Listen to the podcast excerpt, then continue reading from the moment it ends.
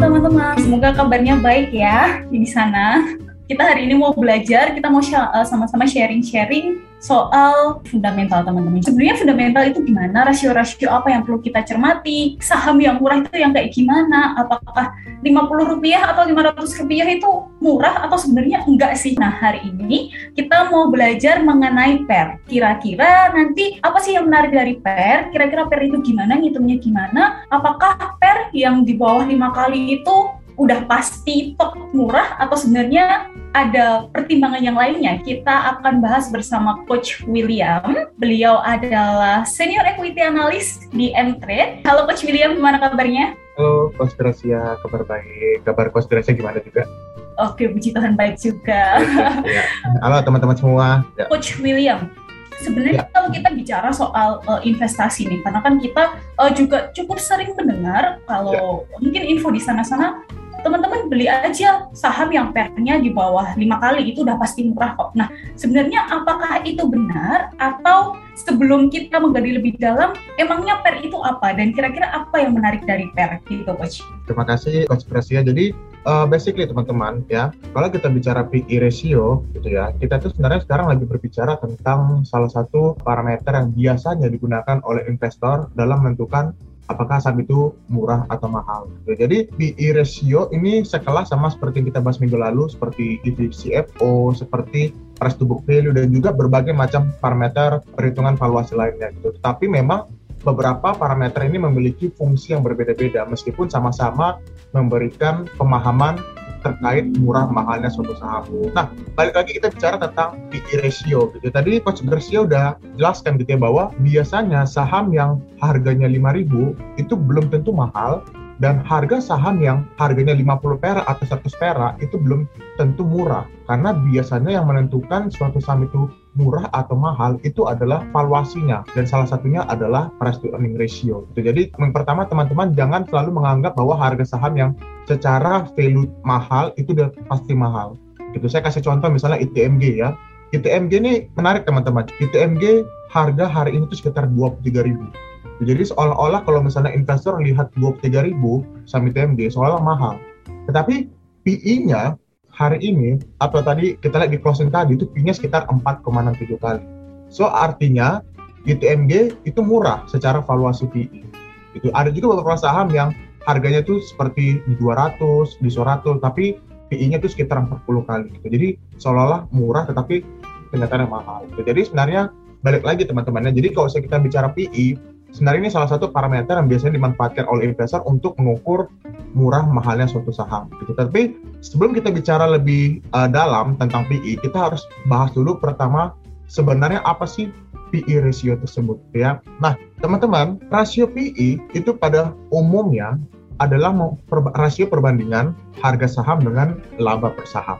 Jadi kalau misalnya kita beli suatu saham, harganya katakan 100 rupiah per saham, dan kebetulan suatu perusahaan itu mendeliver suatu laba seperti katakanlah satu triliun gitu ya. Jadi satu triliun kalau misalnya dibagi jumlah saham yang beredar satu miliar lembar saham itu otomatis kan EPS-nya sekitar kurang lebih sekitar seribu. Jadi kalau misalnya kita menghitung PI-nya maka PI dari perusahaan tersebut adalah 100 dibagi 1000. Jadi basically pada dasarnya pada prinsipnya valuasi PI itu seperti itu teman-teman. Cara menghitungnya dan pemahamannya. Yaitu kita membandingkan harga terhadap laba per saham. Sekarang saya ingin mencoba menjelaskan analogi PI ratio itu jauh lebih sederhana biar teman-teman memahami sebenarnya poin penting dari PI ratio itu apa sih sebenarnya. Teman-teman kalau misalnya saya bisa kasih bahasa sederhananya PI ratio itu ibarat kita ingin mencari tahu berapa tahun yang dibutuhkan agar investasi yang kita tempatkan pada suatu saham itu balik lagi ke kita sebesar modal kita. Contohnya misalnya Coach Gracia. Coach Gracia lagi invest di salah satu saham katakan saham Bank Mandiri. Dia melihat PI saham Bank Mandiri sebesar saat ini sebesar 12 kali. Katakan ini sebagai contoh teman-teman ya. Nah, PI Bank Mandiri sebesar 12 kali artinya adalah bahwa ketika Coach Gracia invest di saham Bank Mandiri, maka Coach Gracia harus siap untuk menanti kurang lebih sekitar 12 tahun agar modal yang diinvestasikan sama Coach Gracia di Bank, Bank Mandiri itu balik lagi ke dia satu kali lipat atau 100% atau sebesar modal dia investasi. Jadi pemahamannya pada dasarnya seperti itu teman-teman. Jadi ketika kita menghitung BI ratio dalam bisnis juga kita bisa sebut seperti istilahnya rasio payback payout, payback ratio. Seberapa besar tahun atau seberapa lama tahun yang dibutuhkan agar laba yang diberikan perusahaan itu bisa menutup biaya modal kita. Itu jadi sebenarnya secara sederhana seperti itu teman-teman ya kalau kita bicara tentang PE ratio. Jadi bahasa singkatnya adalah kita ingin mengukur seberapa lama modal yang kita investasikan bisa balik lagi ke kita dalam ukuran waktu. Gitu. Jadi kalau saya satu kali artinya satu tahun, kalau dua kali PI artinya dua tahun dan sebagainya. Itu bahkan kalau misalnya 0,6 kali artinya ya artinya 6 bulan gitu. Jadi ini hanya salah satu framing singkat ataupun analogi sederhana dari PI ratio. Kesimpulannya teman-teman, kalau misalnya teman-teman sudah tahu analogi sederhana dari PI ratio, tentu pasti kita punya salah satu apa ya, salah satu gagasan bahwa artinya semakin rendah PI itu akan semakin bagus gitu ya teman-teman. Kenapa akan semakin bagus gitu ya? Karena kalau kita invest atau kalau kita berbisnis, tentu kan kita mengharapkan agar bagaimana supaya laba yang kita hasilkan itu bisa cepat-cepat menutup modal yang kita keluarkan. Gitu. Atau istilahnya payback periodnya sebisa mungkin cepat. Semakin cepat payback period itu akan semakin bagus. Jadi memang analogi inilah yang membuat yang menjawab pertanyaan kenapa sih PI itu harus murah? Ataupun kenapa PI itu harus rendah? Gitu. Kenapa PI itu kalau bisa di bawah lima kali? Ataupun kalau bisa PI-nya itu single digit. Gitu ya. Jadi kalau teman-teman ikuti beberapa investor besar seperti Lo Keng Hong. Lo Keng Hong itu punya salah satu strategi agar mencari saham dengan PI yang murah. Gitu. Jadi sebenarnya Lo Keng Hong juga punya framing atau punya gagasan atau punya prinsip bahwa saham yang memiliki PI yang rendah itu sangat menguntungkan bagi investor karena semakin rendah PI itu akan semakin uh, cepat pengembalian modal pada suatu instrumen investasi, salah satunya adalah saham, gitu teman-teman ya. Jadi untuk menjawab kenapa harus murah, sudah saya jawab adalah karena itu merupakan indikator seberapa cepat pendapatan yang bisa kita terima ketika kita invest di salah satu saham di bursa saham Indonesia. Pertanyaan selanjutnya adalah berapa PE ideal di pasar saham Indonesia? Nah, ini pertanyaan yang penting teman-teman. Kenapa penting? Karena ketika kita tahu PE ideal suatu saham Indonesia, kita bisa menentukan apakah suatu saham ini itu murah atau mahal. Tuh, kurang lebih seperti itu teman-teman. Karena PE inilah yang menjadi salah satu benchmark bagi investor agar dia bisa tahu apakah satu saham ini mahal atau murah. Untuk menjawab berapa PE ideal di pasar saham Indonesia, kita punya perhitungannya teman-teman ya. Jadi semoga memang presentasi hari ini itu bisa membantu kita untuk menghitung PE saham ideal yang bisa membantu teman-teman untuk mengukur seberapa murah atau seberapa mahal suatu saham.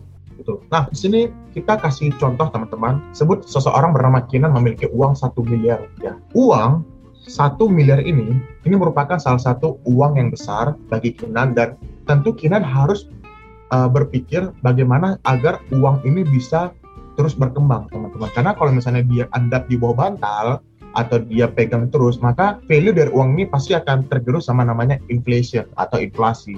So, mau nggak mau, Kenan harus memilih ke mana uang ini bisa ditempatkan agar bisa tumbuh apa bisa tumbuh melawan inflation ya nah kita kasih dua contoh teman-teman kita kasih dua pilihan antara invest ataupun menabung di obligasi pemerintah dengan kupon sebesar 6,5% atau kinan harus invest di saham dengan potensi keuntungan rata-rata minimal 10%. Jadi basically setiap instrumen investasi itu pasti ada opportunity cost. Ya, saya, saya pikir teman-teman udah ngerti ya arti opportunity cost seperti apa. Itu dan apa yang terjadi pada contoh ini adalah Kinan saat ini sedang memilih atau ingin menentukan kira-kira uang satu miliar ini akan diinvest ke mana? Apakah invest di obligasi pemerintah dengan kupon 6,5% atau di saham? Kedua instrumen ini, ini memiliki benefit dan juga memiliki resikonya masing-masing. Saya kasih contoh misalnya uh, katakan Kinan memilih investasi di obligasi ya, obligasi pemerintah dengan kupon 6,5% per tahun. Maka setiap tahun Kinan paling mentok hanya dapat return 6,5%. Itu mentok teman-teman. Kenapa? Karena memang kuponnya 6,5%. Itu salah satu yang kita anggap sebagai risiko. Kenapa risiko? Karena return yang diberikan hanya terbatas di 6,5%. Tetapi keuntungannya apa? keuntungan kalau misalnya Kinan invest di obligasi pemerintah, maka dia tidak memiliki resiko kegagalan dalam berinvestasi di pasar obligasi. Kenapa? Karena investasi instrumen obligasi pemerintah ini dikenal sebagai salah satu instrumen yang bisa dibilang free risiko. Itu artinya tidak mungkin suatu negara gagal bayar obligasi karena negara kalau udah sempat tidak bayar kupon obligasi maka suatu negara bisa disebut negara yang bangkrut atau gagal. So, di mana di negara mana pun tidak mungkin suatu obligasi itu gagal bayar. Ya, jadi inilah yang dianggap sebagai investor sebagai instrumen investasi yang paling risk free atau yang resikonya itu sangat rendah sekali. Karena kemungkinan gagal bayar kupon oleh pemerintah itu sangat rendah. Jadi itu poin plus yang mungkin Kinan bisa dapatkan ketika menempat uang satu miliar ini ke obligasi. Ya, jadi plusnya adalah dia bisa mengurangi resiko dari gagal bayar investasi, tapi negatifnya dia terbatas hanya memiliki kupon 6,5 persen. Ya, itu mentok, nggak bisa lebih. Sementara kalau misalnya Kinan menempatkan satu miliar di saham, maka Kinan berpotensi mendapatkan return at least minimal 10 persen. Minimal 10 persen, bisa 20 persen, bisa 50 persen, sebagainya. Itu tergantung strategi seperti apa. Itu adalah poin plus ketika Kinan invest di saham. Tetapi ya tentu investasi di saham itu seperti yang teman-teman ketahui pasti ada istilah namanya high, high risk high return. Ya. Bisa berpotensi untungnya di 10 persen 20 persen tetapi potensi lossnya juga besar. Sehingga resiko investasi di saham itu juga lumayan besar. Itu adalah poin negatif dari investasi di saham gitu. Jadi memang kesimpulannya Kinan harus memilih teman-teman ke mana uang satu miliar ini ditempatkan apakah di obligasi ataupun di saham gitu. Dan kedua instrumen ini ini memiliki plus minus masing-masing. Untuk menghitung PI ideal saham di Indonesia, maka kita kasih analogi seperti ini teman-teman. Katakan Kinan akan invest di obligasi pemerintah Indonesia yang dikenal sebagai risk free. Gitu ya. Maka kita harus cari tahu berapa sih PI dari instrumen obligasi pemerintah. Ya, ini adalah salah satu benchmark, hasilnya adalah merupakan salah satu benchmark tentang PI ideal suatu saham ya. Nah, kita kasih analogi seperti ini teman-teman. Dengan asumsi kalau misalnya Kinan investasi di obligasi pemerintah dengan kupon 6,5 persen, maka satu miliar Kinan itu akan memberikan return sebesar 65 juta. Ya saya pikir teman-teman sudah sepakat sama saya bahwa satu miliar dikali 6,5 persen tahun sebagai kupon itu ibarat setara dengan 65 juta sebagai return. Nah, jangan lupa 65 juta ini ada beban pajak yang harus dikurangi. Dan beban pajaknya itu kurang lebih sekitar 5%. Sehingga dari return, kalau teman-teman invest di obligasi pemerintah, itu adalah sebesar 55,2 juta setelah dipotong pajak. Ya, jadi kok teman-teman, kalau misalnya Kinan invest di obligasi pemerintah dengan kupon 6,5%, maka aktual return yang dia dapatkan adalah 55,2 juta ya setelah dipotong pajak. Dengan demikian teman-teman, PI obligasi dari pemerintah kita bisa hitung teman-teman. Dengan cara apa? Dengan cara membagi 100 dibagi 5,52 persen.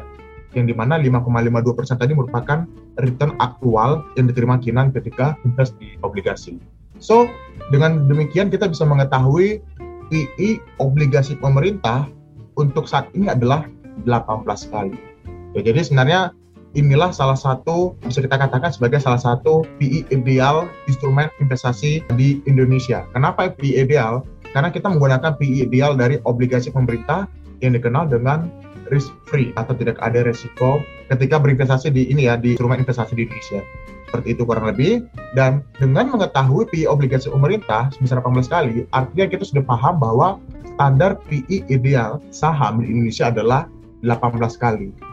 Jadi kalau misalnya teman-teman investasi di suatu saham gitu ya, kita katakan teman-teman investasi di suatu saham yang PI-nya itu sekitar 20 kali. Artinya kita bisa katakan saham tersebut over value. Kenapa over value? Gitu. Karena kalau dibanding teman-teman investasi di saham yang dengan PI-nya 20 kali, better teman-teman invest di obligasi pemerintah yang PI-nya hanya 18 kali dan risk free dan lebih cepat 18 kali dibanding invest saham di suatu saham yang PI-nya 20 kali.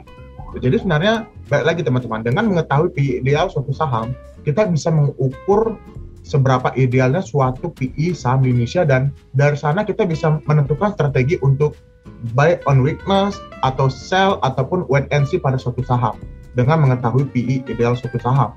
kurang lebih seperti itu teman-teman. Jadi baik lagi teman-teman ya kalau kita bicara saham yang PI-nya 18 kali di atas 18 kali, kita bisa kita bisa mendapatkan kesimpulan bahwa suatu saham tersebut bisa dikatakan mahal. Tetapi kalau misalnya PI-nya masih di bawah 18 kali, maka masih ada opportunity pada suatu saham tersebut.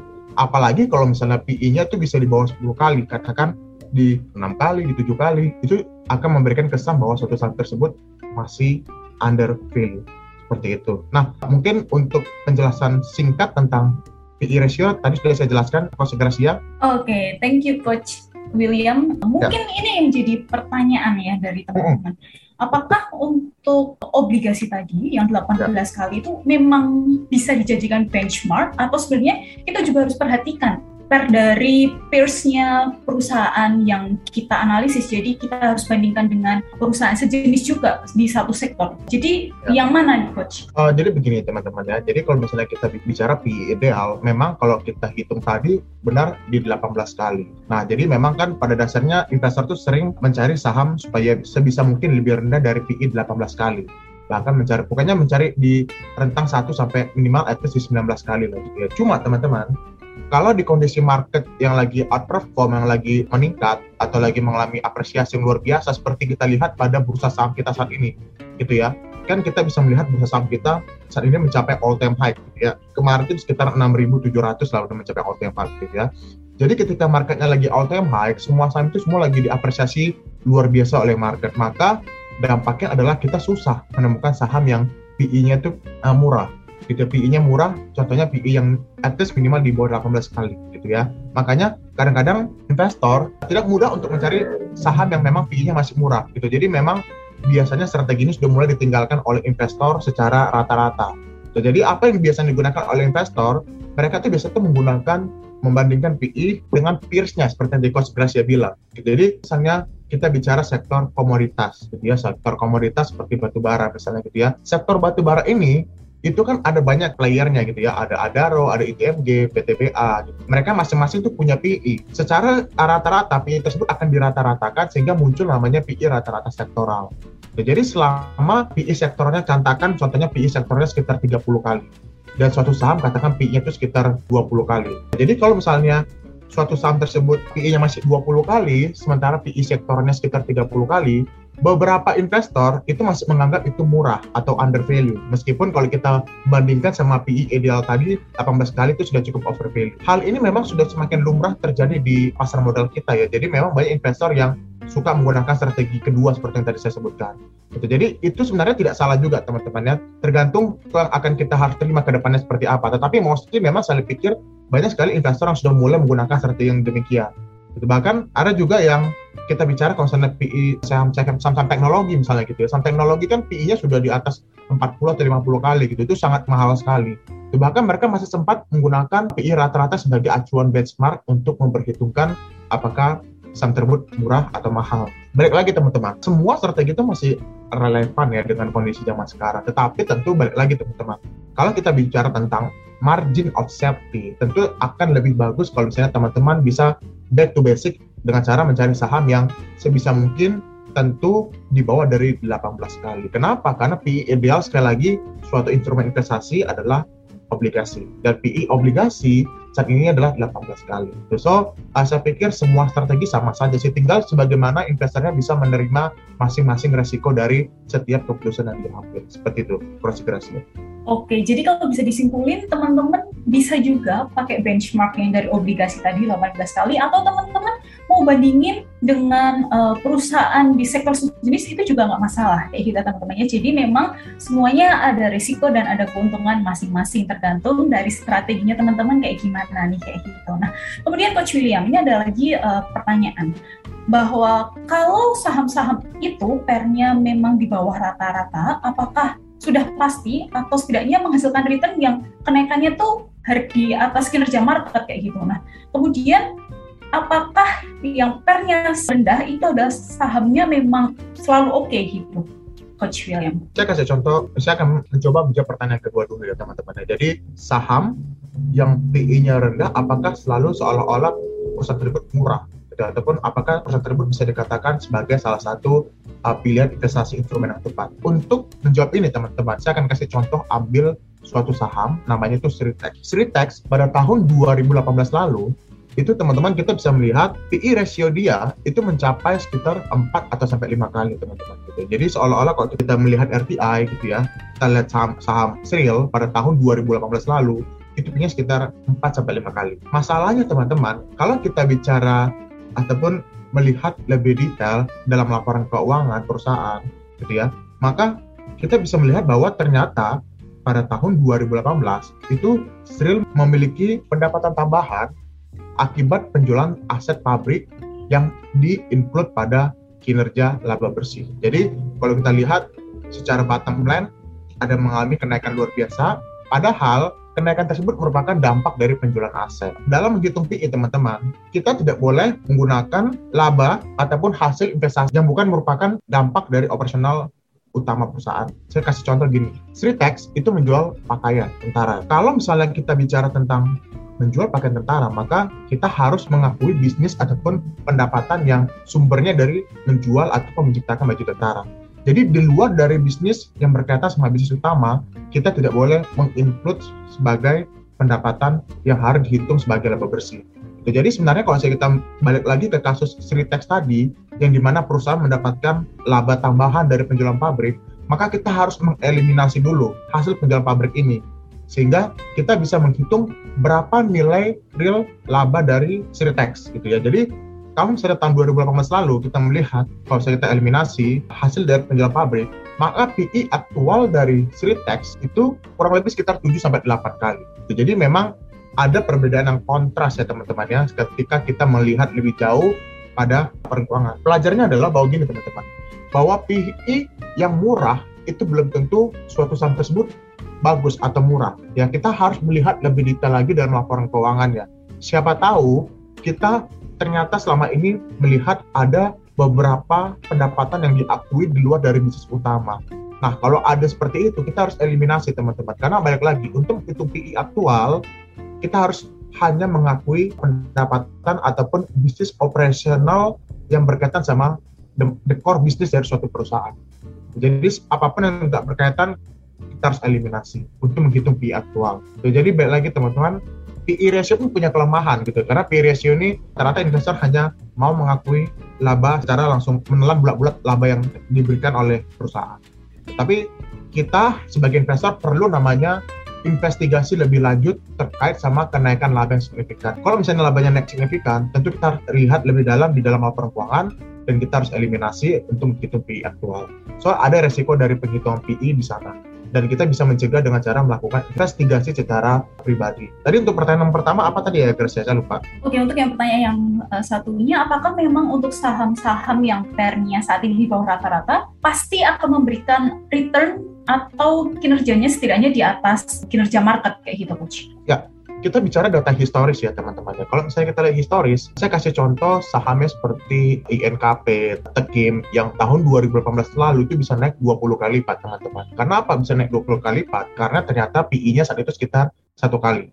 Jadi saya lihat sih secara historis saham-saham yang memiliki PI yang di bawah dari lima kali itu biasanya tuh secara aktual return rata-rata itu pasti akan mengalami apresiasi yang luar biasa apalagi kalau misalnya story-nya bagus. Di sisi lain, ada beberapa saham yang saya lihat PI-nya murah. Contohnya seperti kita katakan seperti Panin Life, teman-teman. Ya, ini salah satu saham yang PI-nya tuh sekarang itu sekitar dua kali, teman-teman. Murah sekali. Kenapa bisa murah? Karena memang ya harga sahamnya tidak terlalu dilihat market dan kebetulan labanya itu luar biasa besar. Nah, tetapi kenapa sih saham Panila tidak naik-naik gitu ya? Dari dulu saya lihat harganya berkisar antara 200 sampai 400 doang. Padahal kalau kita bicara aktual dari book value-nya itu sekitar 800 itu possible banget. Di sini teman-teman harus kenal namanya value trap juga. Gitu. Jadi value trap juga biasanya melekat pada saham-saham yang PI-nya murah. Dan itu adalah salah satu resiko bagi teman-teman yang hanya menggunakan PI ratio sebagai salah satu instrumen valuasi saham. Jadi PI yang murah, mungkin itu saham yang kita bisa expect memang murah, under value. Tetapi teman-teman harus melihat lebih jauh lagi tentang analisa yang lain yang mendukung gagasan bahwa saham tersebut murah atau mahal. Saya kasih contoh. Kenapa Panilef sahamnya PI-nya murah tetapi harga sahamnya tidak naik? Ternyata memang saham tersebut tidak pernah membagikan dividen. Nah, ini yang kadang-kadang perlu dijadikan salah satu edukasi juga buat teman-teman bahwa kita nggak boleh hanya percaya sama salah satu PE ratio sebagai suatu saham murah. Kita harus melihat instrumen-instrumen lain ataupun melihat poin-poin lain yang dibutuhkan agar bisa menentukan apakah saham tersebut murah atau mahal. Jadi balik lagi teman-teman, PE ratio itu pasti ini memiliki keuntungan yang bagus buat teman-teman yang bisa menggunakannya, tetapi tentu masih ada resiko ataupun kekurangan dalam hitung PE ratio. So, tetap gunakan valuasi-valuasi yang lain untuk memperkuat perhitungan PE teman-teman agar bisa menghitung PE suatu saham secara aktual. Seperti itu konspirasinya. Oke, jadi balik lagi ya teman-temannya bahwa memang kita nggak bisa melihat hanya dari satu kacamata aja, tapi kita juga harus lihat dari beberapa sisi gitu, nggak nggak cuma kita lihat dari PE atau PR-nya aja, tapi kita juga harus lihat dari view yang lain, seperti mungkin teknikalnya, mungkin ada story-story yang lain, dividennya juga bisa jadi pertimbangan, atau mungkin rasio-rasio valuasi yang lain kita juga harus uh, pelajari gitu ya teman-temannya dan juga yang perlu diingat dari PER adalah memang kita sebagai investor harus bisa breakdown kira-kira laba yang sesuai yang bisa kita masukin buat hitung PER ini yang kayak gimana gitu. Kalau tadi Coach William bilang bahwa memang laba yang bisa dimasukin adalah laba yang harus sesuai dengan core bisnisnya. Kalau memang itu di luar core bisnis seperti tadi dicontohkan uh, Sritek ya, dia jualnya baju, tapi kalau labanya ternyata besarnya dari penjualan aset itu juga nggak bisa di-include kayak gitu ya teman-teman. Jadi sama teman-teman pelajari nanti breakdown laporan keuangannya seperti apa. Nah, Coach William ini ada pertanyaan dari Kak Adiarto Raharjo. Ini ada pertanyaan seperti ini. Sektor-sektor mana yang cocok menggunakan valuasi PE sebagai perbandingannya dan sektor mana yang nggak cocok menggunakan PI sebagai valuasinya. Oke. Okay. Jadi apa untuk mengetahui sebenarnya sektor mana yang lebih apa ya kandidat yang bagus untuk menghitung valuasi yang bagus sebenarnya sih hampir semua sektor bisa ya semua sektor itu secara tidak langsung match lah untuk menghitung PI. Nah, tetapi pengecualian teman-teman ya untuk sektor banking. Ya, sektor banking tentu kita nggak bisa menghitung valuasi PI. Kenapa kita nggak bisa menghitung valuasi PI? Karena sektor banking yang pertama pasti selalu mahal teman-teman karena saham banking itu salah satu instrumen yang leading indikator untuk salah satu uh, indeks kita ataupun indeks secara global. Jadi kalau teman-teman mau invest di saham banking ya dan teman-teman lihat PI-nya semua mahal ya itu wajar dan kalau teman-teman hanya melihat dari PI-nya sendiri ya teman-teman nggak akan pernah invest di saham banking gitu. Jadi saham banking tentu tidak akan relevan kalau kita menggunakan valuasi PI. Ya, lebih relevan kalau menggunakan price to book value dibanding dengan PE ratio untuk sektor banking. Nah, saya pikir untuk di luar sektor banking, semua sektor kecuali banking itu semua relevan sih untuk menggunakan PE ratio ya, asalkan memang baik lagi teman-teman PE ratio tersebut asalkan memenuhi kriteria-kriteria yang dibutuhkan untuk menghitung validitas saham menggunakan rasio PE. Nah, apa tuh objek apa yang mendukung gitu? Yang pertama adalah perusahaan tersebut harus profit dulu. Karena kalau misalnya suatu saham, suatu emiten dia udah loss, udah rugi, tentu menghitung PI itu akan tidak relevan. Tentu PI-nya akan minus gitu. Jadi itu salah satu keterbatasan buat saham-saham yang masih rugi. Gitu. Jadi pastikan memang untuk menghitung PI suatu saham tersebut harus memiliki setidaknya labanya harus ada dulu gitu dan baik lagi semua sektor saya pikir relevan untuk menghitung menggunakan rasio PI kecuali banking seperti itu konspirasinya. Oke, jadi semoga pertanyaan dari Kak Adiarto terjawab ya bahwa memang untuk PI ini bisa untuk semua sektor kecuali perbankan karena memang perbankan lebih cocoknya pakai PBV dibandingkan dengan PER seperti itu. Dan juga syarat lainnya adalah perusahaan tersebut memang membutuhkan laba. Kalau memang dia masih rugi, berarti teman-teman nggak bisa pakai PER seperti itu ya. Kemudian ini dari ada pertanyaan dari Kak Ani, beliau bertanya, gimana cara deteksi dan juga menghindari value trap. Tadi kalau uh, sudah dibahas sekilas oleh Coach William, seperti yang dicontohkan tadi dari Panin Life bahwa memang kalau pennya itu murah si Panin, tapi ternyata ada faktor lainnya yang bikin investor itu nggak tertarik. Apa? Ternyata Panin Life itu nggak pernah bagiin dividen teman-teman. Nah, jadi teman-teman juga seperti yang tadi saya bilang bahwa teman-teman juga harus pakai kacamata lain. Jadi nggak cuma hanya berpatok pada satu view aja teman-teman harus pakai view yang lain. Nah kira-kira Coach William gimana caranya kita bisa mendeteksi kalau mungkin ada potensi-potensi value trap atau setidaknya saham ini sebenarnya pernya murah tapi nggak cukup menarik nih kayak gitu? Oke okay, thank you. Jadi pertanyaan menarik ya teman-teman. Jadi memang benar uh, biasanya indikator suatu saham bakal kena value trap yang pertama tentu soal pembagian dividen. Gitu. Kenapa pembagian dividen? Karena pada dasarnya dividen itu adalah hak pemegang saham. Gitu. Jadi ketika ada orang invest di satu saham dan tidak mendapatkan dividen, ya tentu orang akan lebih mencari instrumen lain yang di mana pemegang saham itu lebih diapresiat ya dengan cara apa pembagian dividen. So indikator pertama adalah ketika saham tidak membagikan dividen, maka suatu saham tersebut berpotensi mendapat label value trap. Nah, yang kedua, teman-teman, ini tadi sudah kita bahas di diskusi minggu lalu, ya, di training minggu lalu, kita akan mengenal ada instrumen namanya uh, enterprise value per CFO. Jadi sebenarnya begini, dalam menggunakan parameter valuasi saham, ya kita tidak bisa mengatakan PE ratio ini jauh lebih perfect dibanding sama price to book value ataupun menggunakan EV per CFO, ya. Ketiga instrumen ini itu semua saling sifatnya komplementer, saling melengkapi. So teman-teman ketika sudah menghitung suatu saham PE-nya murah, teman-teman harus pastikan lagi dengan menggunakan metrik yang lain. Saya sangat sarankan teman-teman menggunakan enterprise value per CFO. Kenapa? Karena kalau kita menggunakan PE, kita kan menggunakan parameter laba untuk mengukur seberapa murah suatu saham tersebut. Tetapi kita kadang-kadang lupa bahwa bisa jadi suatu perusahaan tersebut secara buku dia laba, tetapi secara operasional cost dia rugi. Makanya kita perlu namanya menghitung valuasi enterprise value per CFO. Karena dengan menggunakan parameter enterprise value per CFO, kita bisa mengukur posisi perusahaan tersebut dengan parameter cash flow operation. Ya, jadi teman-teman bisa coba, nanti teman-teman bisa flashback materi kita dua minggu lalu kalau tidak salah, untuk bagaimana menghitung EV/CFO ataupun kita sudah punya ya uh, penjelasan edukasi secara lengkap di M-Trade.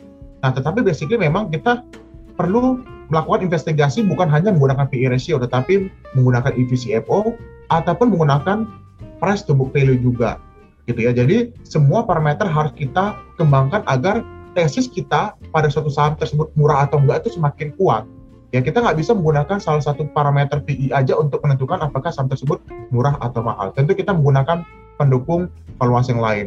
Bahkan seperti misalnya hari ini juga kita sudah upload tentang salah satu metrik yang disebut sebagai Economic Value Edit atau EVA. Nah, EVA juga sebenarnya salah satu poin yang saya pikir menarik untuk diketahui oleh investor karena dengan mengetahui EVA kita juga bisa melihat atau mengukur seberapa besar nilai tambah yang diberikan oleh suatu perusahaan dalam suatu periode. Nah, EVA ini juga sebenarnya salah satu rasio yang bisa membantu investor untuk berinvestigasi apakah suatu saham tersebut murah atau mahal yang pada akhirnya kita bisa menentukan ataupun kita bisa mengurangi resiko suatu saham itu terkena value trap. Itu karena balik lagi teman-teman, selain dividen, biasanya investor itu selalu memiliki parameter lain yang membuat suatu saham tersebut bisa berada pada label value trap. Contohnya misalnya uh, saya katakan misalnya kita bicara tentang saham apa ya? Konstruksi deh misalnya konstruksi. Konstruksi basically kalau kita lihat secara laba bersih contohnya kita bicara ADI PTPP Wika itu semua profit walaupun profitnya kecil. Tetapi kalau kita bicara cash flow operation itu defisit teman-teman. Ataupun dia negatif. Artinya memang secara operasional dia tidak profit. Tetapi secara laba bersih dia profit Nah, ini disebut sebagai salah satu trik dalam accounting yang perlu teman-teman antisipasi dan ini yang kadang-kadang membuat satu saham tersebut bisa masuk ke dalam label value trap juga gitu, yang menghambat pertumbuhan suatu saham. Gitu. Jadi kesimpulannya teman-teman adalah bahwa PE ratio sangat membantu teman-teman untuk menentukan saham tersebut murah atau mahal. Tetapi akan jauh lebih bagus kalau teman-teman menggunakan metrik lainnya seperti EVCFO, price to book value, EVA, dan juga teman-teman memastikan manajemennya bekerja dengan baik ya itu dengan dengan sebagai metrik yang paling sempurna untuk menentukan suatu saham tersebut murah atau mahal itu sih uh, coach Gracia dan by the way teman-teman kita juga upload juga untuk valuasi EVA ini EVA ini sebenarnya sebagai salah satu indikator juga buat teman-teman untuk menentukan apakah suatu manajemen itu berkinerja dengan baik atau enggak. Dengan mengetahui parameter ataupun metrik EVA, kita juga bisa mengukur profesionalitas dari manajemen.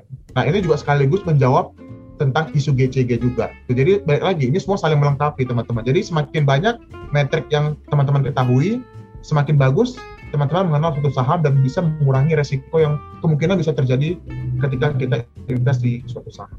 Gitu Mas Gracia.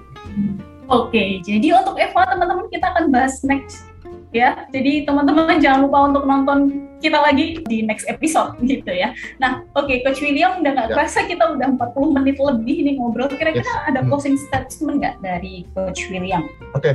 uh, closing statement dari saya yang pertama adalah memang PE ratio adalah salah satu instrumen pengukur valuasi yang bagus juga buat investor. Tadi kita sudah bahas berapa PE ideal suatu saham dan dengan mengetahui PE kita bisa menentukan suatu saham tersebut murah atau mahal. Jadi PE ideal saham di Indonesia adalah 18 kali. So alasannya kenapa? Tadi teman-teman sudah pelajari. Nah yang kedua adalah PE ideal. Ini sekali lagi teman-teman ini sifatnya tuh bukan saling menggantikan dengan valuasi metrik yang lain ya. Kita mengenal ada EVCFO, price to value ataupun EVA nah semua instrumen ini itu saling melengkapi teman-teman. Jadi tidak ada istilah PE ratio jauh lebih bagus dibanding semua metrik lainnya. Jadi semakin banyak uh, teman-teman mengetahui semua metrik ini akan semakin bagus buat teman-teman untuk mengurangi resiko potensi kesalahan dalam berinvestasi saham. Dan yang ketiga adalah ya next week kita seperti kata Coach Gracia bilang kita akan diskusi juga tentang EVA. Tapi untuk artikelnya teman-teman sudah bisa baca di dalam aplikasi Mtrade. Hari ini kita sudah upload dan di sana kita sudah jelaskan benefit dan juga keterbatasan dari valuasi EVA cara menghitung dan juga termasuk contohnya yang mungkin teman-teman bisa pelajari secara masing-masing di rumah untuk meningkatkan pemahaman teman-teman tentang valuasi EVA. Mungkin itu aja penutupan dari saya, uh, Gracia. Oke, jadi bisa disimpulkan uh, untuk diskusi kita di sore hari ini, teman-teman, untuk PER itu istilah gampangnya adalah kira-kira kapan sih kita bisa balik modal kalau investasi gitu ya semakin rendah akan semakin oke okay. tapi teman-teman juga harus pertimbangkan untuk benchmarknya kira-kira yang dibilang murah itu yang seberapa, teman-teman bisa pakai 18 kali atau teman-teman juga bisa bandingkan dengan rata-rata dari sektor sejenis. Seperti itu. Kemudian juga poin pentingnya bahwa ketika PER itu murah bukan berarti saham itu oke. Okay. Ketika PER itu murah berarti bukan langsung berarti saham itu murah. Tapi teman-teman juga harus bisa breakdown dari kira-kira part apa yang harus masuk di perhitungan PER dan part apa yang harus di exclude dari perhitungan PER seperti itu ya. Kalau tadi uh, kita kasih contoh bahwa memang harus laba yang dihasilkan dari core bisnisnya. Di luar core bisnis kita harus eliminasi seperti itu. Nah, kemudian juga teman-teman wajib juga belajar uh, mengenai metrik valuasi yang lain, nggak cuma lihat dari PER aja, teman-teman juga harus belajar EVCFO, teman-teman juga harus belajar PV, uh, PBV itu seperti apa, kemudian juga kita harus belajar yang EVA yang kita akan bahas ke depannya seperti apa. Nah, jadi teman-teman jangan lupa belajar itu semua dan kita sudah sediakan di Mtrade. Jadi untuk teman-teman yang mau belajar, silakan teman-teman bisa langsung download aplikasi Mtrade. Saya Coach Gracia dan Coach William. Salam profit!